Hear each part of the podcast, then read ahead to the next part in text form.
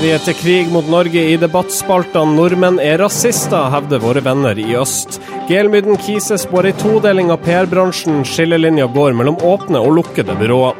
Og Coop og Spar barker sammen i kamp om landets heteste sponsorobjekt, Petter Northug. Dette og mer til i uh, denne utgaven av podkasten uh, NIR. Mitt navn er Marius Staulen, send fra mitt studio 2 i uh, Bodø. Med meg på link Marius Torkelsen og Sindre Holme.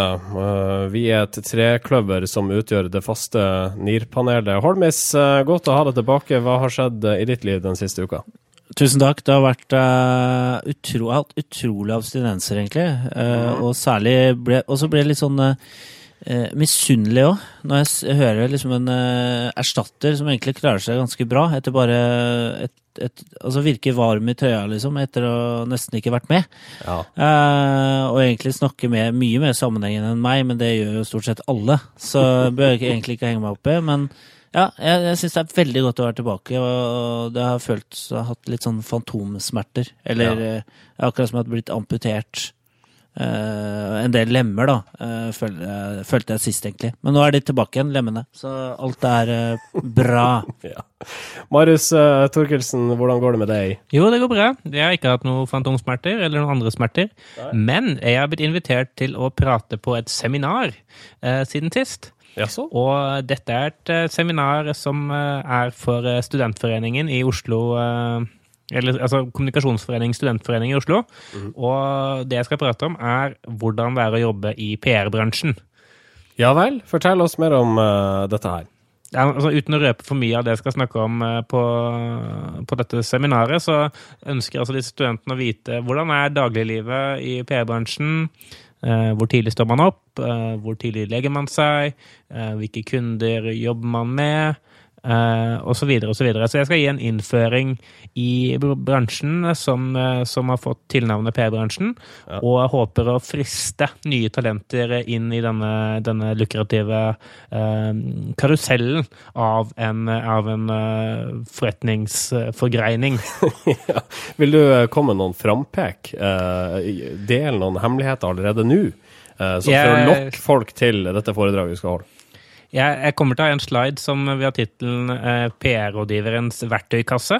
Ja. Eh, da kan vi ta bilde av en verktøykasse eh, for å illustrere at eh, dette er både verktøykasse i overført betydning og i eh, eh, underført okay. betydning. Ja. Underført. Er det sånne ord, bokstaver, som, som, dukker opp av den kassa, da? Er det sånn eh, sliden ser ut? ja, nei, det kan godt hende. Eller, ja. eller om det måtte være sånn altså, At den er litt åpen, så kommer det sånne sånne tegner sånne streker og stjerner men, og sånn spryter ut. Sånn, men den er, er, jo ikke åpen. altså Verktøykassa til PR-rådgiveren er jo lukket og låst. Jo, eh, det er den jo selvsagt, men i dette tilfellet så skal jeg gløtte på den. da. Okay. Ja. OK. Uh, gutter, eh, vi hadde jo uh, vårt ettårsjubileum for ikke så altfor lenge siden. Vi har altså vært på lufta i over et år. Uh, men jeg vil dog si at også dette her er en slags jubileumssending, for dette er altså episode nummer 50. Hei! Det er ganske kult. vi er nå kommet Ja, vi er jo kommet i overgangsalderen, vi da. Sånn TV-radiomessig. Hva, hva er den podkast-ekvivalenten av å kjøpe seg en Lamborghini? Det er å oppgradere mikrofonparken, tror jeg. ja, det er det. Skriv meg en rød metallic mic. Ja, det syns jeg virkelig du skal gjøre. Eventuelt en røde podcaster. Ja, kanskje det. Ja. Det har antagelig vært det. Ja, ja, Nå blir vi veldig teknisk for uh, lytterne, som på en måte ikke bryr seg så veldig mye om hvordan podcaster lages. De er mer engasjert i innholdet i podcasten, og det tar vi selv kritikk for. Vi kan ikke lage en sånn der eh, bak podcasten uh, Facebook-løsning, da? Uh, jo, det kan, vi, eh, det kan vi selvfølgelig vurdere å gjøre. Men for nå så tror jeg vi sparker i gang NIR episode 50. Hjertelig velkommen. Norske informasjonsrådgivere. De siste ukene så har debatten mellom Norge og Sverige rast på debattsidene. Svenskene mener at nordmenn er rasister, mens vi her i Norge føler oss en smule tråkka på, og kanskje også misforstått. Og forrige fredag så inviterte hele Nordens talkshow-vert Fredrik Glimt i øyet Skavlan til en slags final showdown. Ja, han gjorde det. Eh, nå har jo det egentlig krangelen mellom Norge og Sverige begynte vel allerede i høst rundt valget, da svenskene satt smørgåsbordet i halsen over at Frp At vi, valgte, vi nordmenn valgte å sende Frp inn i regjering, som jo var det partiet som Anders Behring Breivik var medlem av. Mm. Det hadde jo svenskene fått med seg. Og de kunne da ikke, selvfølgelig ikke da forstå hvordan i alle dager kan vi velge et sånt parti eh, og putte de inn i regjeringskontorene. Eh, og siden har på en måte mange norske politikere kommet i en sånn lei situasjon hvor de på en måte må forsvare Frp, som jo det egentlig mange hater. Ja. Eh, og så eh, Det er jo litt sånn eh, Det er jo litt sånn når, man, når det kommer en ytre fiende så, så blir, samler man seg gjerne mot den. Og det er vel litt det som har skjedd her. Ja, for i Skavlan så fikk man en litt merkelig koalisjon i uh, forfatter Anne Holt og Per Sandberg, uh, da i en kamp mot en av Anne Holts gode svenske venner. Ja, altså Anne Holt uh, ble jo sittende og måtte krangle og diskutere med Jan òg. Uh, og hun mente det at det var rart at Jan òg kunne mene at Sverigedemokraterna og, og Fremskrittspartiet kunne måtte plasseres i samme båt. og hun mente at det var rart at en så dum mann, nei, så smart mann som Jan òg kunne, kunne si noe så dumt. Ja.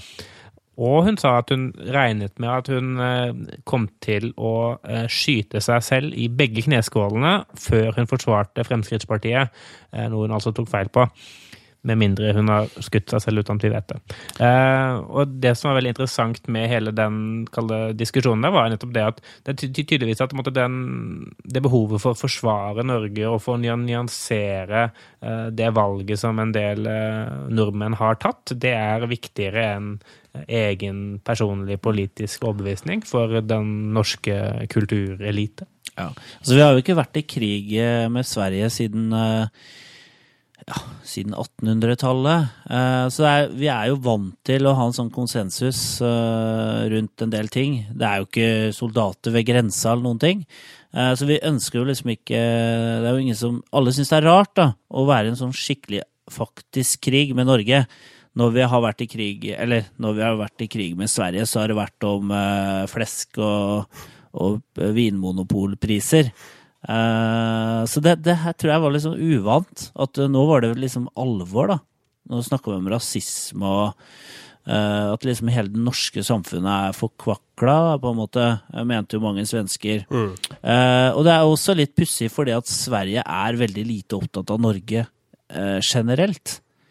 Det er langt fra Stockholm til Halden, eller Oslo for den saks skyld. Det er liksom Norge eh, er ikke viktig i Sverige, men eh, når de først snakker om oss, da, så ønsker vi at de skal være litt opptatt av kanskje Magnus Carlsen og Petter Northug.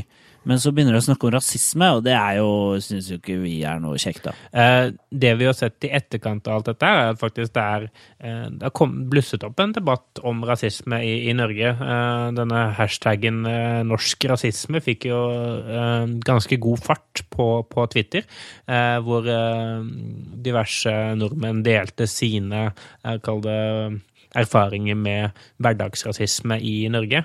Og eh, det viser jo at det er tydeligvis en, en debatt som mange egentlig ikke trodde vi trengte å komme til å ta, fordi man ser på seg selv som såpass tolerante og, og langt vekke fra dette, dette, ordet som er rasisme, men som en del faktisk likevel føler på kroppen. Da. Så selv om vi er sinte på svenskene som sier stygge ting om oss, så er det tydeligvis at det har faktisk ledet til at vi har reflektert litt over oss selv. og Kanskje det er bra? Mm.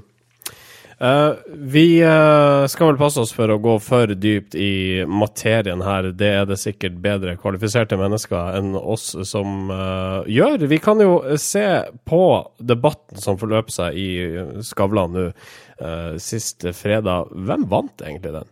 Det er nesten helt umulig å si, fordi at alle beveget seg inn mot sentrum.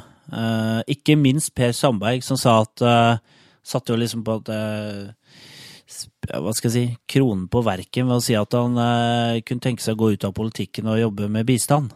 Uh, det, da ble det liksom uh, What? Hva, hva var det du sa nå, liksom? Etter å ha forsvart uh, bruken av ordet is, snikislamisering eh, også, eh, i nesten samme åndedrag. Så det er sånn eh, Det blir veldig sånn polert, da. Eh, plutselig er alle Man kan ikke ta noen, fordi at alle er egentlig har lyst til å være likt av alle.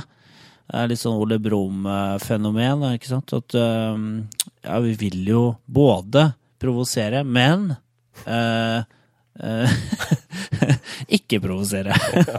Ja. Ja, og så er det litt sånn at kanskje ikke Kall det det svarte og hvite er så veldig svart-hvitt likevel. At det meste egentlig er et grått, og at vi alle er nyanserte uh, mennesker som egentlig ikke mener noe så veldig sterkt likevel.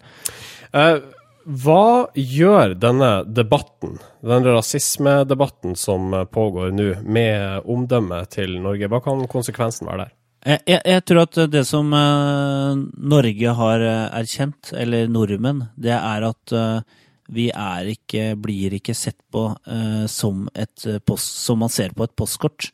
Altså, vi er mye mer sammensatt enn det, enn det vi liker, eh, liker å tro, da. Det er ikke bare brunost og bunad og hardangerfele lenger. Nei, ikke sant. Altså, det er eh, Det er også Det er ting som liksom strider mot det derre rene bildet av Norge, da, som uskyld, uskyldens land, på en måte. Der uh, politikere kan gå i gata og smile, og alle holder hverandre i hendene og synger 'Barna regnbuen'. For å trekke inn utrolig mange eh, rare referanser på en gang. Ja, ja. Så det kan hende at vi ikke får noe bedre omdømme, men det kan hende at vi blir litt bedre mennesker. Og apropos det, så vil jeg kanskje eh, ha noen å aspirere mot, og det er, det er jo kanskje Jan Guillaud, som avslutta hele debatten eh, med å si det at eh, Per Sommer han, eh, han er egentlig en fyr som eh, Sverigedemokraterna bør eh, trakte etter å være som. Han mente det at hvis alle Sverigedemokrater var som han, så kom Sverige til å bli et bedre land. Og hvis en som i utgangspunktet er utrolig sinte på noen, faktisk kan se forbi sitt eh, opprinnelige synspunkt og konkludere med at det er ikke så ille likevel, så, så vitner jo det om en måte, villighet til å forstå. da. Men, men jeg, må, jeg må si en siste ting der, for jeg syns det er ganske utrolig eh, hvordan den debatten da har eh, blitt vridd helt eh, på hodet. Eh, for det han sier da, implisitt, er jo at Sverige er mer rasistisk enn Norge. Tommel opp eller tommel ned for det? Tommel eh, opp. Tommel opp. Norske informasjonsrådgivere. De siste 15 årene eh, har bransjebladet Kampanje drevet ei kåring eh, av landets beste reklamebyrå. Og de siste ti årene er det Try som har gått topps i denne konkurransen. Men nå får Try og resten av reklamehodene i dette land konkurranse fra PR-byråene, som endelig får være med. Ja, nå er det hele byråverden, med unntak av disse teite designbyråene, som får lov til å være med.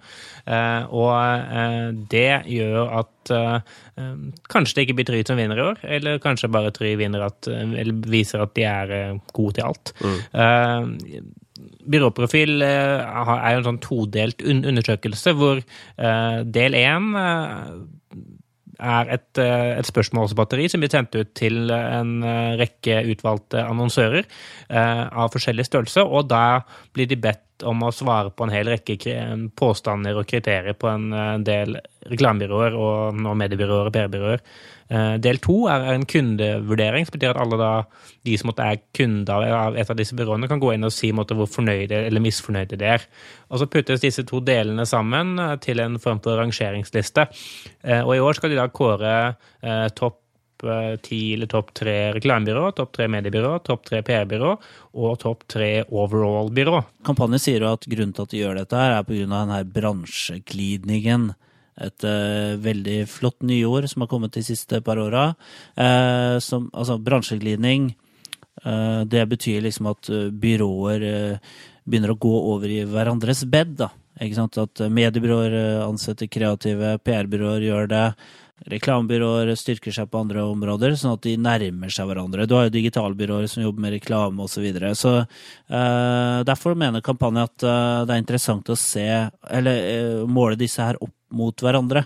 Fordi de kan eh, For alle jobber jo med å styrke sine kunders eh, omdømme eller produkt eller stilling i markedet. sånn at de har jo mye av de samme oppgavene.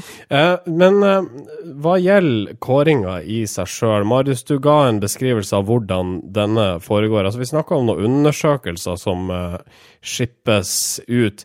Hva betyr egentlig ei kåring sånn som det her? Nei, altså eh, Debatten som måtte kommer opp med jevne mellomrom, og som garantert kommer opp etter eh, årets kåring, i og med at nå er det jo masse forskjellige byråer som skal måles på måte, et sett med felles kriterier, eh, er jo det at Kåringen sier egentlig ikke så mye om måte, hvilke byråer som er best, men hvilke byråer som er oppfattet som best, eller som er best likt, eh, hvis man skal dra det veldig langt. Og eh, når da eh, feiende, flotte reklamefilmer skal vurderes opp mot, mot tunge mediestrategikampanjer, eller en, en, en påvirkningskampanje for å få ny tunnel, eh, så, så er det klart at dette her er ting som er eh, epler og pærer og eh, M&M's, mer eller mindre, hvis man skal sammenligne det. Og det vil jo gjøre det at det er mange som kommer til å føle seg urettferdig plassert. Det er mange som føler, kommer til å føle at de ikke får den kalde hederen de fortjener, og det er mange som kommer til å være sure, og det kommer til å bli en heftig debatt på kampanje.com. Det kan vi være sikre på. det, det her er jo også veldig viktig for kampanje å komme med en, en uh, kåring som blir troverdig, da. Ikke sant? For ellers så vil jo folk blåse av og tenke at dette er jo ikke dette er ikke viktig. For en ting er jo at uh, det er viktig at den kåringen også reflekterer på en måte den økonomiske situasjonen til byråene, tenker jeg. For hvis det er byråer her som gjør det veldig dårlig økonomisk, som kommer høyt opp, og, og omvendt, så vil jo ikke Vil man begynne å lure litt på liksom hva slags kriterier er som ligger til grunn. Ja, men hva i alle dager har økonomien med prestasjonene å gjøre? Jo, men hvis man eh, vinner nye kunder, eller hvis eh, kundene bruker mye penger, eh, legger mye penger i et byrå, så er jo det en indikasjon på at kunden er fornøyd. Eller at eh, byrået er eh, likt eller leverer bra i et marked, og blir oppfatta som et bra byrå. Mm. Sånn at eh, det må jo også tenker jeg henger sammen. Så det er jo sånn som Kjetil Try og mange har sagt, at det er en temperaturmåler. Det er en fin måte å vite hvordan man ligger an i liksom landskapet, da. Men det er jo ikke noe sånn derre er noe, Du kan ikke sette to streker under svaret på at dette er Norges beste byrå. Uansett. Uansett eh, så blir det i hvert fall bråk rundt det, og det gleder jeg meg mest til. Eh, og vi kommer til å ha så mye mat eh, til neste sending at jeg vet ikke hvor vi skal begynne engang. Men men litt sånn avslutningsvis, for å runde dette opp og knyte en knute på toppen her, så tror jeg det at eh, denne kåringen er, kommer nok til å bli mer eh, kall det, relevant enn det den har vært, fordi man uh, ikke kun ser på én byråtype, men uh, erkjenner at det er en eh, glidning eller konsolidering, eller hva man skal kalle det, og dermed at flere byråer kan levere flere ting. Som kanskje betyr også at uh, flere forskjellige typer byråer får muligheten til å levere nye jobber i årene som kommer. Eh, fordi annonsørene faktisk begynner å tenke på byråene mer som noen som kan hjelpe dem med kommunikasjon. Og det er uansett et veldig viktig og riktig signal, og det er jo kampanje sammen med Kommunikasjonsforeningen og eh, ANFO, altså Annonsørforeningen, som, som står bak dette. Og den, altså det samarbeidet altså var jo litt utenkelig for et par år siden. Uh, det er rart at ikke NIR, eller KOM, eller hva man skal kalle dem, er med på dette her. Men, Men de eh, jobber jo med sine strategier, som de jobber jevnt og trutt med. jeg har hørt har Morten Walstad ta det til etterretning, men Ja. eh, han er ikke med. Eh, du, du, du Eh, fikk ikke snurpa Sindre! Ja, Okay. Sa ikke han Marius avslutningsvis? Nei, jeg så liten Så knuten gikk opp på slutten der. På den sekken. Men det, det jeg skulle si, er at eh, det, det er jo én vinner her uansett, og det er kampanje. For de har klart å gjøre seg Sette seg i midten for eh, hele bransjen, eller på en måte sette seg i sentrum for hele bransjen, ved å knytte alt til seg. eh, og bli enda viktigere for PR-byrået, enda viktigere for mediebyråene. Okay. Men oss vil de ikke skrive om. Tommel opp eller tommel ned for det? Tommel ned for at de ikke skriver om oss, tommel opp for uh, byråprofil. Eh, tommel opp og ned. Norske informasjonsrådgivere. Vi skal eh, snakke om PR-nestor Hans Gelmyden, eh, nærmere bestemt en uttalelse signert ham. Han tror nemlig at PR-bransjen den kommer til å dele seg, og skillelinja den går imellom de åpne byråene og de som er lukka. Det er eh, helt riktig. Han uh, Gelmund Kisse har arrangert uh, Åpent hus. Og han sier at han er ganske frekk og freidig. Så han sier at han tror PR-bransjen vil dele seg mellom de byråene som jobber etter en vennetjenestemodell. Hva er det for noe? ja, det er jo et ganske tydelig nikk eller spark eller klyp i punge, pungene til First House.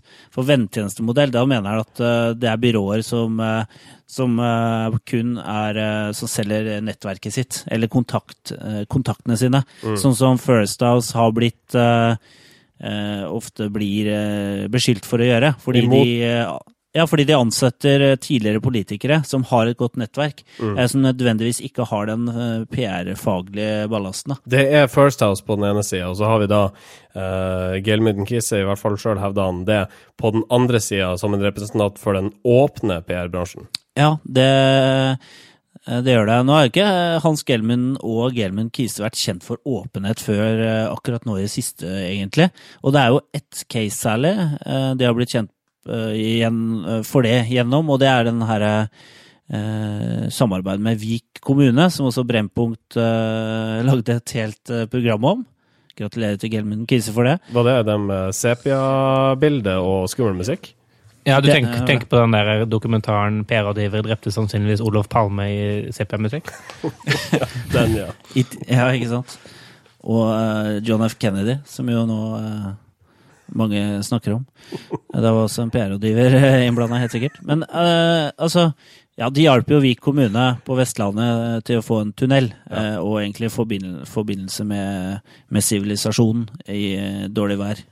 Jeg har jo grublet litt på hvorfor i all verden Gelmøyden Kise går i bresjen for åpenhet, og har kommet fram til hvorfor de gjør det.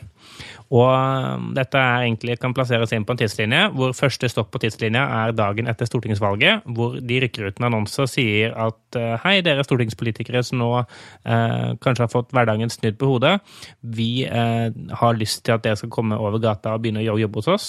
Det blir fulgt opp av en kampanjesak samme dag, hvor han sier at nå er vi interessert i måte, eksil stortingspolitikere fra Høyre og Frp til å komme inn til oss og begynne å jobbe for oss. Eh, la oss spole da to uker fram. Eh, Listhaug-debatten pågår for fullt. Eh, og Gelmøyden Kise inviterer til Open House-seminar, hvor de da skal vise fram alle sine case. På dette Open House-seminaret så begynner han å snakke om et nytt begrep, nemlig begrepet medvirkning istedenfor påvirkning. Og medvirkning handler om at man hjelper da kommuner eller andre som trenger hjelp, til å snakke med, og ikke til eh, politikere. Han har fått hjelp fra eh, en viss eh, HP Hansen til dette, dette begrepet. Ja. Um, grunnen til at han gjør det, er, er bare egentlig for å parkere First House, som først og fremst sitter med masse Arbeiderpartirådgivere, og som først og fremst eh, er litt sånn eh, kall det berykta, for de de har så gode kontakter inn til den gamle regjeringen. Eh, og gjennom det å si at denne vennetjenestemodellen faktisk eksisterer, så parkerer måtte, hele First House-porteføljen eh, i en bås og sier at nå har de faktisk ikke noe kontaktnettverk igjen lenger. Men vi som driver med medvirkning, og som har fått inn høyrepolitikere gjennom denne annonsen, vi har masse kompetanse, og vi er de nye First House. Men uh, la oss gå tilbake til uh, det Hans Gelmyden spår her. Uh, tror dere at vi står foran en todeling av PR-bransjen, der vi har åpne byråer på den ene sida og de lukkede på den andre, eller er dette her et stråargument i hans langsiktige plan om å bryte ned omdømmet til sine, sine erkefiender borti First House? Jeg, jeg, tror hele Hans Gilmaidens engasjement i denne åpenhetsdebatten kun er for å bryte ned First House og vokse GK. Eh, jeg tror ikke noe på at det finnes noe høyere linje der enn en akkurat det. Og når han begynner å snakke da om altså plassere seg selv i samme båt som f.eks. ta, ta, Trigger, da, som virkelig jo er eh, åpenhetsbyrået, sammen med kanskje eh, typ Nucleus og PR-operatøren og, og Dynamo og en del folk som måtte ha vært veldig flinke til å snakke om case, eh, så er det en, en, eh, en plassering som egentlig er veldig rar, fordi Gamemaden Keys har aldri vært spesielt eh, forfektere av åpenhet, og unnlot jo til og med å melde seg inn i KOM eh, inntil han selv vant æresprisen. Eh, så, så jeg syns det er en veldig, det er en veldig sånn effektiv måte å gjøre det på. Det er sikkert veldig bra for GK, men, men det er nok en veldig forenkling av sannheten. Nei, jeg tror, jeg tror at Hans Gelmin er ganske pragmatisk. Jeg tror at han har sett en mulighet her til å gi et stikk til First House og utnytta det til fulle. Og så tror jeg at eh, hvis det kommer kunder til Gelmund Kise som ønsker den samme konfidensialiteten og eh, å gå under radaren eh, som de kunne gjort hos First House, så tror jeg han vil godta det og jobbe som han alltid har gjort. Så da ender Gelmund Kise på feil side av det gjerdet de sjøl er i ferd med å sette opp. Ja, altså de, de, de bruker åpenhet som et gjerde, tror jeg. Tommel opp eller tommel ned for det? Det er veldig Oi. smart, så tommel opp. Ja, tommel opp. Norges Skiforbund og Coop-sponsede Petter Northug de ble sist uke omsider enige om en representasjonsavtale for årets sesong. Avtalen innebærer at Coop ikke får vise Northug-film, Eh, men Northug-brød det får stå i hyllene på Coop eh, når Petter tar på seg landslagsdrakten, som da er merka med Spar. Ja, dette er jo eh, kanskje eksempelet på hva som skjer når eh, alle sponsorene skal ha sitt. Da ender egentlig ingen opp med å få noe. Eh, avtalen eh, som Northug og Skiforbundet og Coop og Spara kom kommet fram til, er som følger. Eh, Coop får lov å reklamere for Petter Northug. Petter Northug får lov å reklamere for Coop. Bare ikke akkurat når han går renn eller er på landslagssamling. Eh, og det er faktisk da til den Altså Det går til det nivået at eh, Coop får ikke lov å vise reklamefilmer på TV i det tidsrommet hvor eh, Petter Northug er eh, tilknyttet landslaget, altså da på samling. For Spar er altså da sponsor for landslaget. Ja, så at hver gang landslaget er samlet, da kan ikke Coop vise sine Petter Northug-filmer på TV. Hva de gjør med YouTube, det vet jeg ikke. Her, her, her ser jeg liksom kreative muligheter for Coop. Da. Her kan du jo eh, markere, uh, markere det. Liksom når Northug setter seg i bilen og kjører hjem uh, fra uh, Holmenkollen, da kjører vi bare alle kluter Da setter vi alle kluter til, liksom. Er til stede overalt med brødet vårt. Og Eller hva det måtte være. Kan man si det? Jeg tror du kan si det. Jeg tillater. Ok. Ja, det, det jeg tenker det kunne vært veldig kult, var hvis eh, Coop spilte inn en reklamefilm eh, altså, vet Dere har sett denne filmen hvor Petter Northug går rundt og, og overrasker eh, Coop-kunder? Nei. Har dere sett den? Nei, jeg har ikke sett den. Nei, Den burde dere søke opp og se. Eh, Det er i hvert fall da en sånn skjult kamerafilm hvor han måtte gå rundt og er Petter Northug, og så snakker han med Coop-kunder. Så Så det kunne vært gøy hvis de lagde en helt lik film, da bare med liksom, en fyr som er kledd på akkurat samme måte, men som ikke er Petter Northug, så går han rundt og sier sånn Hei, jeg er Fjetter Fjordfjug. Eh, og så bare lager de akkurat den samme filmen, bare da med en annen skuespiller som er kledd helt likt. Eh, og så kommer alle til å tenke at det er Petter Northug, men teknisk sett så holder det seg på sin side av eh, avtalen. Ikke sant? er Det gjør det. Fjetter Fjordfjug, det var det beste pseudonymet du klarte å finne der og da? Ja. En sånn Andeby-versjon av Petter Northug. da. Var dette her en rådgivningssegment? Jeg trodde vi skulle ha noen krasse meninger og noen konklusjoner. Jo, jo, vi begynner med rådgivning, og så, Ja, vi og så begynner vi med å komme med krasse meninger. Nei, men eh, det, det, det viser vel at eh, her er det mange tapere. I, det er vel egentlig bare Northug som kan stå og glise eh, ved frukt- og grøntdisken eh, hos eh, Coop eller Spar. Han kan jo bare velge. Eh, sånn at eh, Altså, du, du er på en måte Det har blitt en kinkig sak, da, som har gjort at både Spar og Coop har eh, fått blitt knebla på en måte. Eh, og Northug har liksom eh, henda i begge spanna, eller hva jeg skal si. Begge lommebøkene. Det er, det er måtte ingen av eh, disse dagligvarekjedene som ønsker å være den kjeden som nektet Norges største gullhåp å delta i OL. Eh, Det blir det dårlig om, omdømme av. Og det er veldig tydelig i det han eh, markedssjef i Spar, Martin Munthe Kaas, sier når han blir spurt om da denne nye avtalen. Han svarer som følger Spar er en stolt sponsor av skilandslaget og deres flotte utøvere. Utover det har vi ingen kommentar. Han beit Ja, tennene sammen der. Ja, det, det er helt tydelig når man ser selv det svaret. Jeg vet ikke om vi uh, Jeg vet ikke om vi skal gi noe tommel opp eller tommel ned her. Skal vi bare konstatere at slik er det? Ja, altså jeg, jeg vil bare konstatere at dette her eh, blir veldig bra for Petter Northug, som får sikkert masse frukt og grønt og musliblanding og alt mulig rart med seg til, eh, til Russland. Mm. Og så er det kjipt for alle andre. Ja. Ja, vi kan si det sånn. Nier. Snor, snor, snor, klippe, snor, snor, snor, klippe, snor, snor, snor, klippe, klippe, klippe, klippe, klippe, snor, snor, snor, klippe, Snorklipp nytt. klippe. Det var lenge siden, gitt. Uh, Snorklipp Nytt er på lufta igjen i podkasten NIR. Eh, vi setter fokus på en av eh, PR-rådgiverens viktigste eh, virkemidler for å komme i avisa, nemlig snorklipping. Det er jo en aktivitet som er fortsatt eh, svært populært over det ganske land. Eh, og det har vært da tolv snorklippinger så langt i november som vi har kunnet registrere på våre, eh, gjennom vår snorklippsovervåkningsmaskin. Ja. Eh, og det som er spennende nå, og grunnen til at vi nå er på plass med denne spalten, er jo at nå vi har fått en ny regjering. Og eh, vi har fått nye statssekretærer og statsråder som har fått prøve prøvesaksa. Eh, og det her er jo en paradegren innenfor samferdsel og eh, kommune. Derfor er også Jan Tore Sanner, som er kommunalminister, og Bård Hoksrud, som jobber i Samferdselsdepartementet, begge de har fått prøve seg. Eh, og de har stått eh, prøven med glans.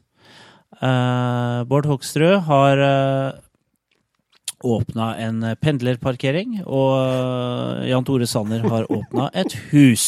Et hus! Eh, Et hus? eh, som det bedrives aktiviteter aktivitet i Hva- eh, på kommunalt eh, nivå. Eh, jeg har jo eh, egentlig da eh, plukket ut to eh, meget interessante snorklippinger som skiller seg ut fra de andre. Ja.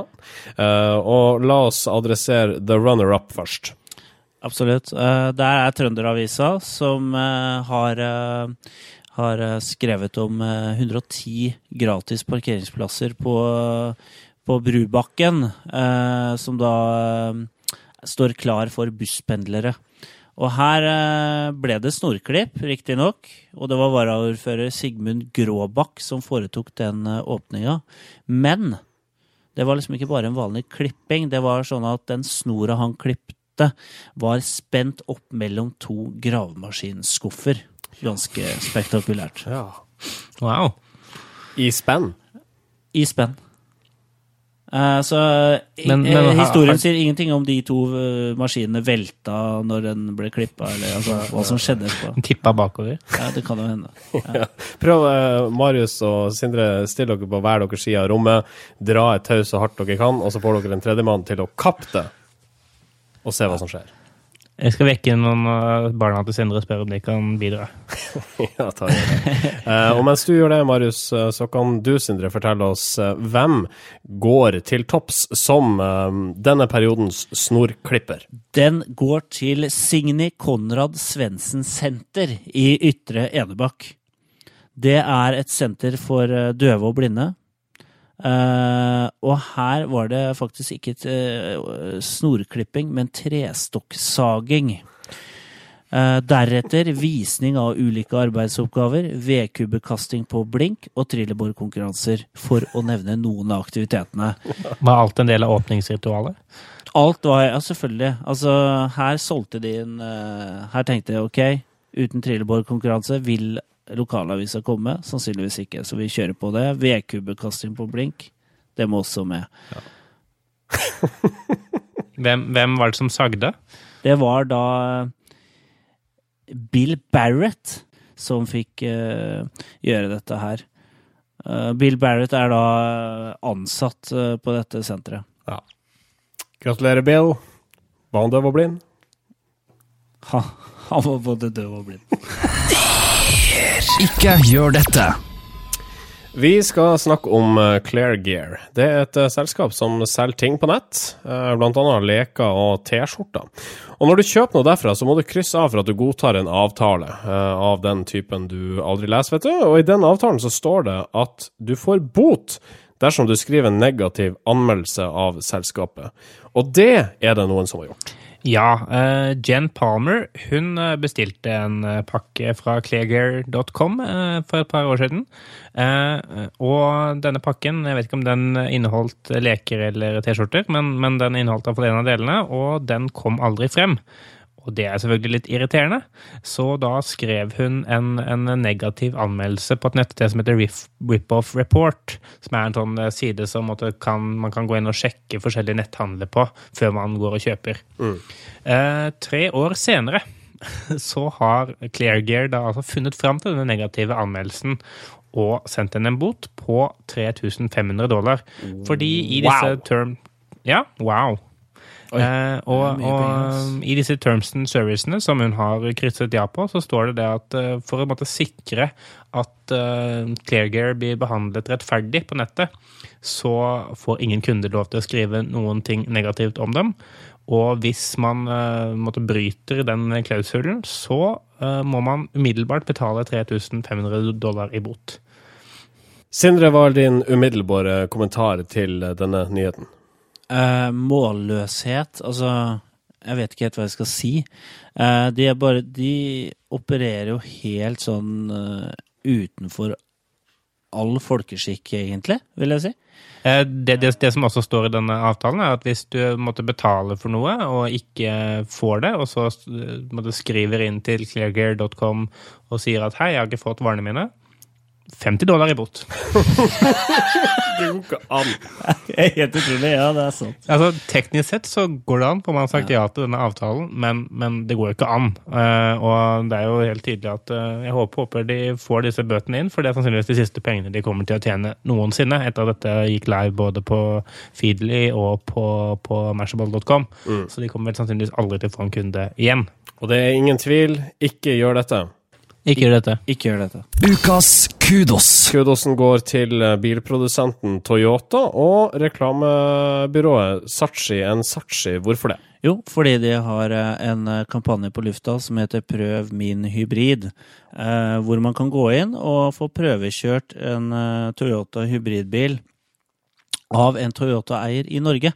Man bare plotter inn sitt postnummer, eh, så får man prøvekjøre en bil. Eh, da som går på både elektrisitet og bensin, er ikke det hybride gjør? Eh, og det syns jeg er fiffig, bra kampanje, for eh, ingenting er så troverdig som kunders eh, vitnemål, eh, skulle jeg til å si. Eh, og prøvekjøringer er jo liksom første vei inn til å kjøpe en bil. Så jeg syns det er en supersmart eh, kampanje, og helt i tiden, kan man si. Men de jo alliert seg med uh, hybrid-Toyota-eiere, er det så å forstå? Rett og slett. altså Toyota-eierne er jo noen av de mest uh, fornøyde bilkundene i Norge. Sånn at uh, det er veldig riktig tenkt. Og ja, det her har de gjort en, eh, et stort arbeid i forkant, da, for de har klart å rekruttere 323 Toyota-eiere til å bli med på dette her. Jeg, jeg syns det er veldig kult, for det er, jo, det er jo klart at disse nye biltypene altså, Jeg er litt i prosess hvor kanskje jeg skal kjøpe bil nå. Jeg har tenkt på hybrid. Jeg er litt sånn usikker på hvor bra er de egentlig. eh, hva er måte, det negative ved det? Eh, Kan de ta fyr? kan de ta fyr? Må jeg, hvor, hvor kjøper jeg hybridbrennstoff osv.? Og, og alt dette kan jo en person som har uh, hatt uh, hybridbil over lang eh, over en lang periode faktisk eh, forklare meg. Så jeg vurderer å, knytte dette til Facebook-profilen min og få tilgang til min nærmeste potensielle hybridprøvekjørerperson. Ja. Og da har jo eh, kampanjen fungert eh, slik som Toyota og Sachi Sachi ønsker. og kudosen går altså til disse to. Grattis så meget. Norske informasjonsrådgivere. Dagens sending er over. Um, følg oss gjerne på Facebook hvis du ønsker det. Facebook.com slash Nearcast. Send oss gjerne en e-post på nearcast Lytt til oss i iTunes eller på soundcloud.com slash nearcast. Eller Kreativt Forum sine nettsider, kreativtforum.no. Og eh, diskuter oss gjerne på Twitter. Eh, Der er eh, hashtaggen Nearcast. Og legg gjerne ut bilde på Pinterest. Da må du kalle eh, boardet du legger det ut på, Newcast. Eh, Og i Stortingets eh, spørretime, bruk også eh, hashtaggen Nearcast. Ja. Og husk at uh, Nearcast flytter makt. Makt, makt, makt, makt. Eh, vi setter den eh, berømmelige streken der. Uh, det gjør vi som vanlig ved å si våre navn, sånn at folk skal kjenne oss igjen på gata, forhåpentlig. Uh, Marius Stølen her. Sindre Holm her. Marius Thorkildsen. Og vi høres igjen om ei uke. Ha en eh, fantastisk fin dag. Norske informasjonsrådgivere.